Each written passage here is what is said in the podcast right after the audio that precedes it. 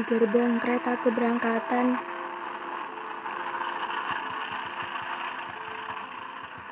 tak berkeputusan untukku memulai sepatah kata yang di hadapan seorang penumpang kereta yang terlihat masih cukup muda. Di sebuah lorong panjang yang tak terlihat pun satu cahaya, di lorong-lorong lain satu dua lampu masih menggantung pada kawat yang menggeliat di atap-atap langit. Jauh dari kepiluan itu, di atas rel kereta yang nampak sudah berkarat, dan beberapa sawah yang melepaskan lahannya menjadi kumpulan permukiman.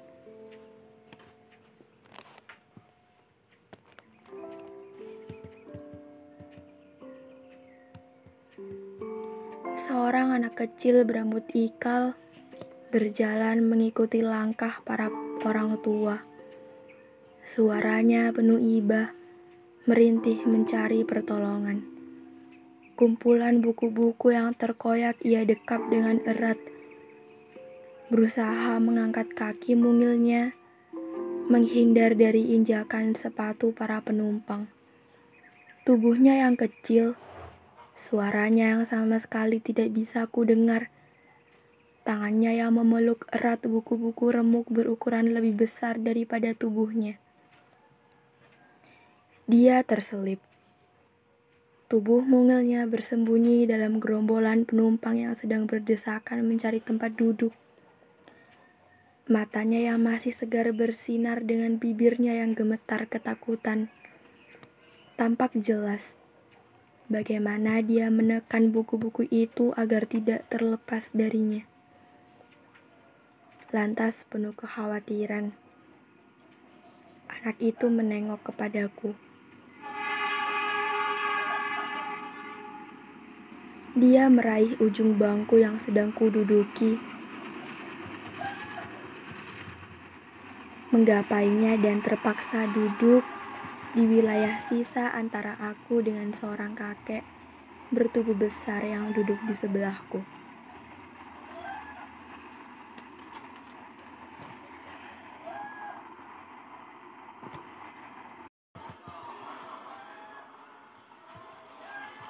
Bawa apa itu, Dek?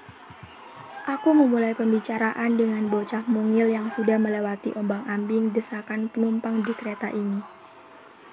Anak yang aku kira masih berumur delapan tahun ini tersenyum seraya mendengar pertanyaanku. Buku, Kak. Aku mengintip beberapa sampul buku yang dia bawa. Ya, meskipun ada satu dua buku yang sampulnya sudah digerogoti rayap, bahkan sudah terlepas dari badannya. Kumpulan cerita rakyat dan beberapa buku petualangan ini ia pegang erat seolah menjadi harta paling berharga yang ia miliki di dunia. Gerombolan penumpang itu semakin lama semakin membuat onar.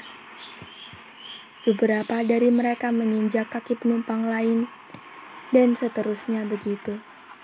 Suara bising dari percakapan mereka semakin membuat cerita anak kecil ini soal buku-bukunya tak bisa lagi kudengar.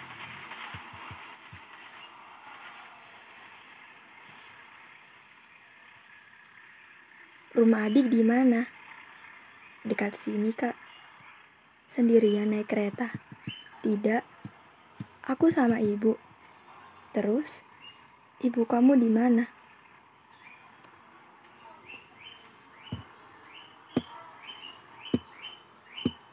Entah. Ia menjawab sambil mengangkat kedua bahu dan tersenyum sekali lagi. Harinya lembab berhujan kecil Suara rintik yang begitu memudahkan manusia untuk tidak perlu cemas karena hujan masih belum ingin datang. Awan mendung dengan ketidakpastian akan turun hujan lebat atau tidak semakin mengundang beberapa suara guntur dengan kilat-kilat kecil yang menyambar tak kelihatan. Anak ini semakin gemetar. Matanya menengok ke sana lalu kembali ke sini seolah dirinya sedang menjadi perahu kecil di antara banyaknya kumpulan kapal besar di sebuah dermaga. Sekarang kan hari Senin, Dek. Tidak masuk sekolah.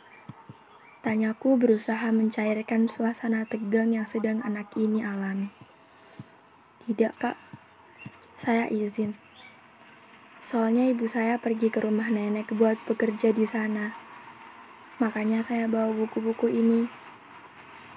Mereka teman saya, Kak. Dia tersenyum. Meskipun diriku sangat yakin kalau di balik senyuman manisnya ini adalah sebuah keterpaksaan karena tidak ada hal lain lagi untuk menanggapi pertanyaanku selain dengan senyuman. Lalu dia pergi. Berlari setelah melihat seorang wanita berpakaian biru melambai ke arahnya. Pergi dulu, Kak. Itu ibu saya.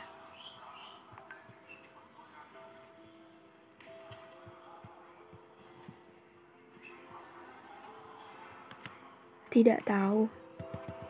Aku tidak tahu apakah sebuah pertemuan mendadak yang semesta buat untukku ini penuh pesan moral atau bahkan hanya sekedar pertemuan biasa.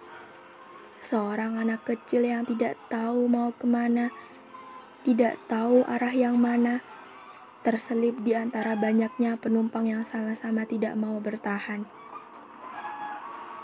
Dia mendekap sekumpulan buku-buku kumal yang dia anggap sebagai teman-temannya. Lantas meninggalkan sekolah untuk pergi bersama ibunya yang sedang mencari pekerjaan.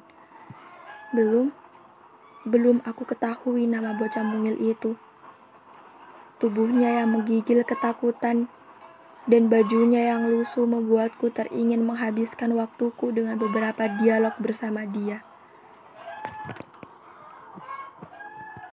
Entah, entah untuk apa, entah mengapa, tetapi dari wajahnya dia sangat bersemangat untuk bercerita. Meskipun aku juga sudah tahu dia sedang dilanda ketakutan karena tidak tahu sedang ada di mana ibu tersayangnya itu. Mungkin hari ini adalah hari baik yang semesta bungkus untuk diriku. Beberapa pertemuan mendadak ini terjadi berulang kali bersama seorang anak kecil dengan teman-teman kesayangannya. Dan kali ini bersama seorang pria parubaya yang sedang mengambil tempat duduk di sebelahku. Wajahnya yang sedikit keriput, kulitnya yang mengkilap, rambutnya yang rapi, dengan kacamata bulat yang agak tebal. Beliau mulai berbicara. Mau ke mana, dek? Mau daftar ulang, pak? Seperti terulang kembali, namun kini aku yang ditanyai. Bukan aku yang menanyai. Sendirian. Kenapa tidak sama orang tuanya? Orang tua saya lagi dinas di luar kota, pak. Lanjut SMA. Iya, pindahan, pak. Lalu kami diam sejenak.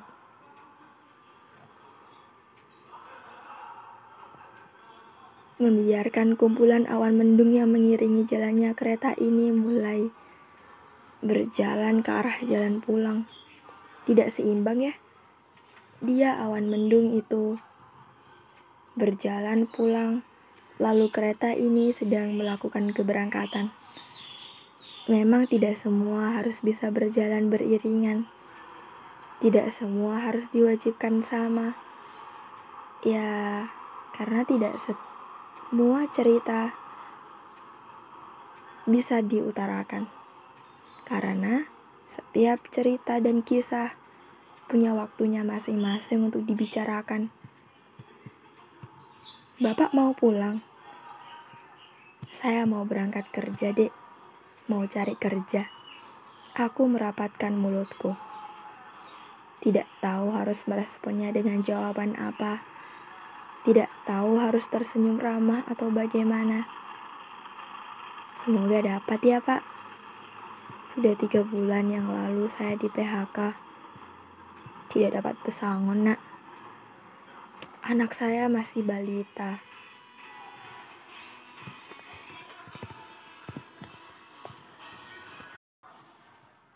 anak saya itu masih balita. Masih butuh susu dan keluarga kecil saya juga masih harus dikasih makan kan dek?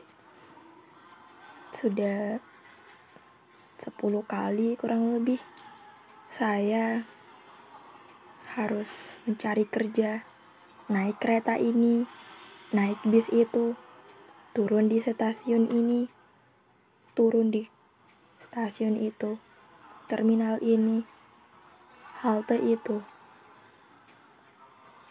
Namanya juga hidup, dek. Ujar beliau dengan raut wajah pilu. Seakan semua cerita yang tidak pernah ingin aku tanyakan itu, ia lepaskan dengan lega dengan perasaan yang sangat ingin menceritakan tapi tidak tahu ingin ke siapa. Dek, adik kan masih SMA. Jangan sampai menyesal kayak bapak ya. Dulu, waktu bapak muda dulu dek, banyak sekali penyesalannya sampai saat ini tidak mau pergi. Bapak tidak bisa mengendalikan diri saya sendiri. Saya juga tidak bisa mendengarkan apa yang ingin saya dengarkan. Saya tidak tahu saya. Saya takut. Lalu aku diam. Bapak itu kembali bercerita. Mulutnya yang semula kering kini justru basah. Semua kalimat-kalimat dan dialog-dialognya itu mungkin kalau ditulis sudah menjadi sebuah novel yang tebalnya 200 halaman. Tidak. Ya mungkin. Lalu beliau kembali melanjutkannya. Bapak dulu tidak pernah bisa menjadi bapak sendiri. Saya tidak pernah menjadi saya. Saya selalu berusaha untuk bisa menjadi orang lain dan aku kira bapak kira itu bukan prestasi. Itu kekalahan yang sesungguhnya. Prestasi itu, Dek, nggak harus dari perlombaan, nggak harus dari kompetisi. Prestasi melawan memenangkan diri kita sendiri saja itu adalah sebuah kompetisi yang sangat berat. Ya bukan? Nggak semua orang bisa menang itu. Bapak saja tidak bisa. Dan kini bapak menyesalinya mumpung masih muda jangan takut Jangan dipaksa. Jangan dipendam. Kamu masih punya banyak waktu. Punya banyak kesempatan. Coba deh. Sekali-kali keluar rumah. Kayak gini. Kamu pasti sudah lihat kan? Dunia itu nggak cuma sekedar rumah kita. Dunia nggak cuma sekedar Indonesia banyak banget tempat yang saya kira masih bisa kamu kunjungi. Masih bisa kamu berlari-lari di atasnya. Masih bisa kamu naik kereta keberangkatan lain. Dunia itu luas. Sayang sekali kalau kamu cuma diem di sini doang. Lalu, bapak itu turun di stasiun kedua. Kini tinggal aku sendiri. Mendengar ucapan beliau yang saya kira ada benarnya.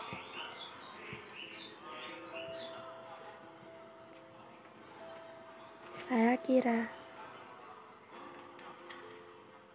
Bapak tidak salah. Saya yang salah.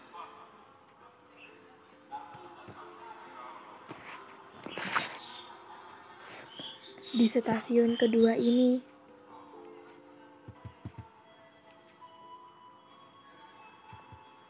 bel stasiun, bel kereta sudah mulai dibunyikan. Lantas kembali terjadi pertemuan ketiga. Entah bersama siapa itu, saya tidak tahu. Selanjutnya bersama seorang lelaki yang mungkin usianya sama sepertiku. Dia duduk di sampingku, di samping kananku, dengan kemeja rapi, meja putih, wangi, sepatu hitam, dan tas yang agak sedikit tebal dan besar. Lalu aku bertanya,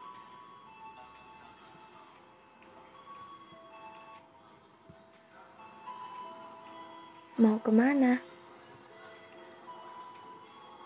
Dan dia menjawab,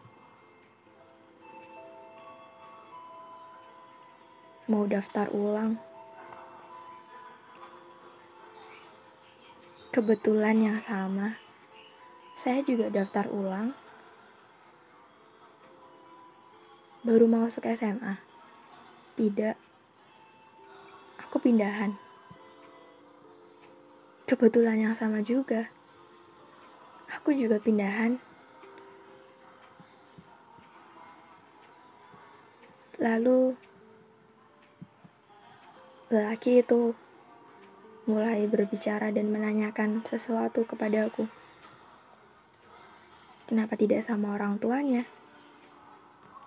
Orang tuaku lagi dinas di luar kota. Kamu sendiri?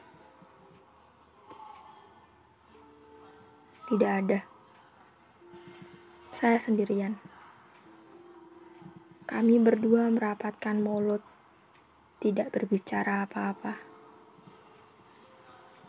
Tidak menanyakan apa-apa.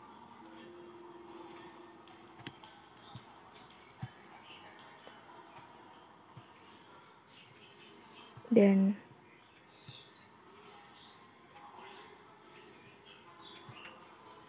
Dia kembali bertanya,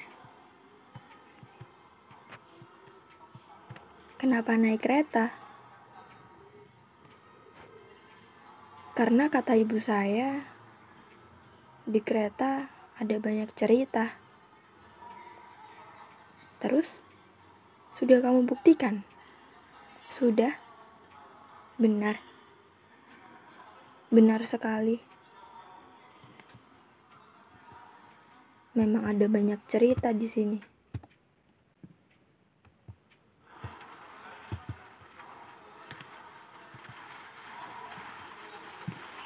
Tiba-tiba rintik-rintik itu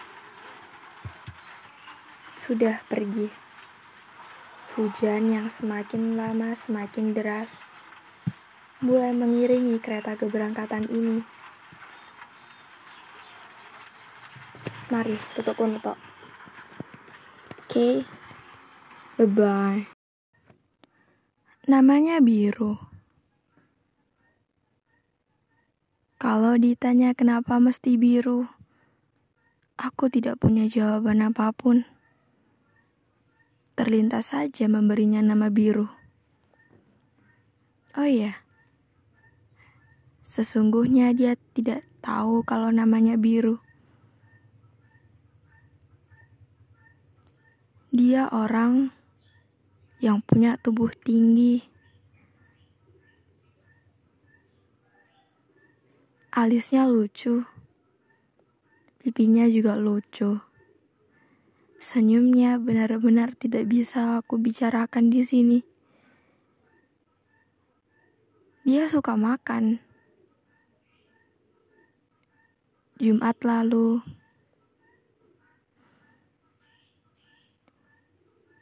Dia terlambat di sebuah acara pengarahan sebelum diklat. Ketika itu ditanya, "Dari mana saja kamu?" Dengan santainya dia menjawab, "Maaf, Mbak. Saya habis ngantar mama beli kupang.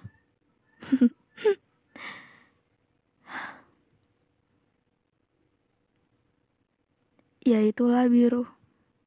Seseorang yang yang mungkin kalau aku bertemu dengannya, aku selalu berbicara kepada semesta. Ya, kenapa tidak dari dulu saja aku bertemu biru? Kenapa mesti baru-baru ini?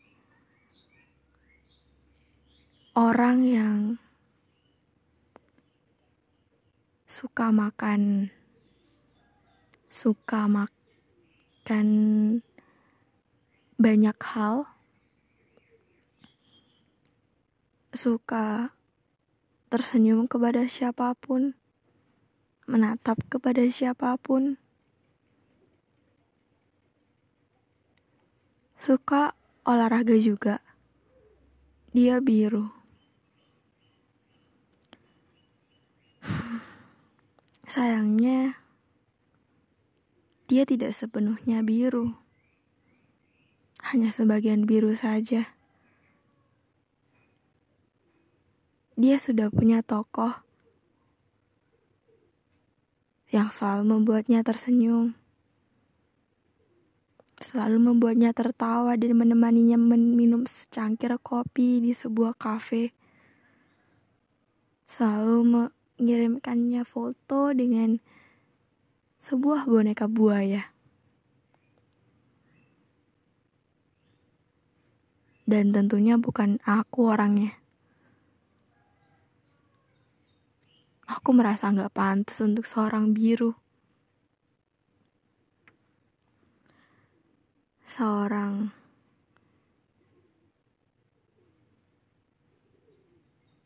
anak pramuka seseorang yang suka mengendarai motor balap dengan tas Eiger berwarna merah bata dan kaosnya juga. Kaos hitam terutama. Ketika dia keluar dari tempat wudhu lalu masuk ke dalam musola Aku melihatnya. Dia menatapku sebentar, tersenyum. Tetapi entah itu untukku atau untuk orang lain, aku tidak tahu. Yang terpenting aku kira itu bukan untukku.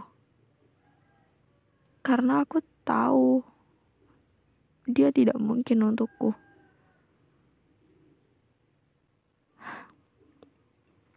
Biru mencintaimu, mengagumimu dari jauh saja, aku rasa itu sudah sangat cukup. Tetapi, kalau ada cara lain, kalau ada jalan pintas, mungkin aku akan melewati jalan itu. Ya, karena gak akan ada lagi orang sepertimu.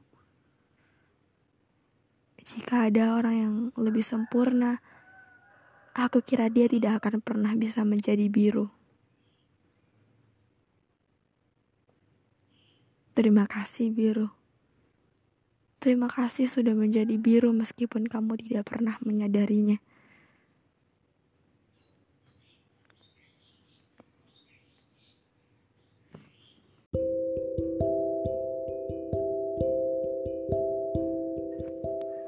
Namanya biru. Kalau ditanya kenapa mesti biru, aku tidak punya jawaban apa pun.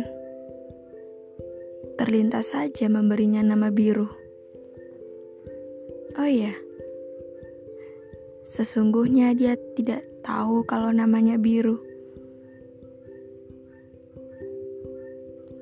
Dia orang yang punya tubuh tinggi.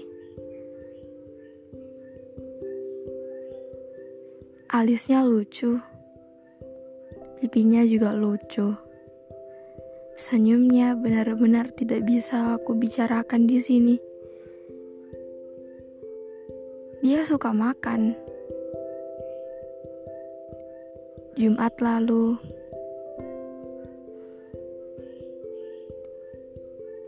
dia terlambat di sebuah acara pengarahan sebelum diklat. Ketika itu ditanya, "Dari mana saja kamu?" Dengan santainya dia menjawab, "Maaf, Mbak. Saya habis ngantar Mama beli kupang."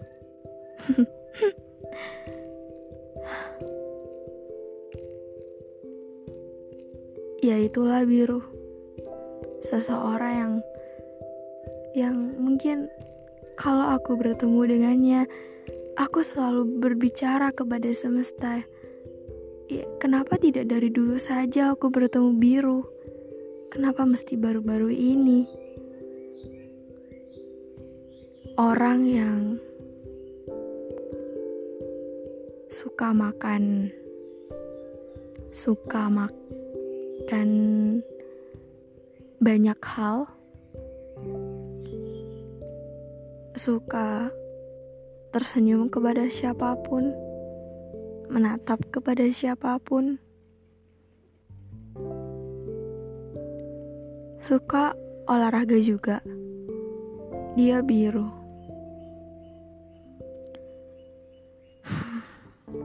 Sayangnya, dia tidak sepenuhnya biru, hanya sebagian biru saja. dia sudah punya tokoh yang selalu membuatnya tersenyum,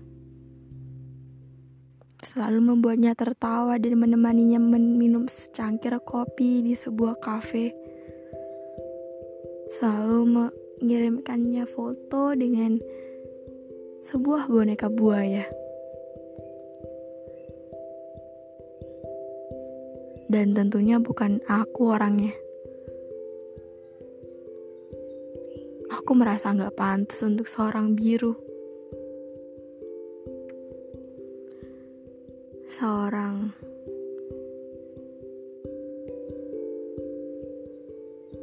anak pramuka, seseorang yang suka mengendarai motor balap dengan tas Eiger berwarna merah bata, dan kaosnya juga. Kaos hitam terutama. Ketika dia keluar dari tempat wudhu, lalu masuk ke dalam musola, aku melihatnya. Dia menatapku sebentar, tersenyum tapi entah itu untukku atau untuk orang lain, aku tidak tahu. Yang terpenting aku kira itu bukan untukku. Karena aku tahu dia tidak mungkin untukku.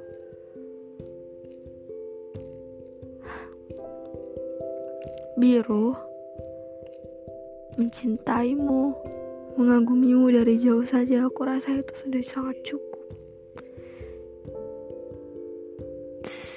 Tapi kalau ada cara lain, kalau ada jalan pintas, mungkin aku akan melewati jalan itu. Ya, karena gak akan ada lagi orang sepertimu. Jika ada orang yang lebih sempurna, aku kira dia tidak akan pernah bisa menjadi biru. Terima kasih biru.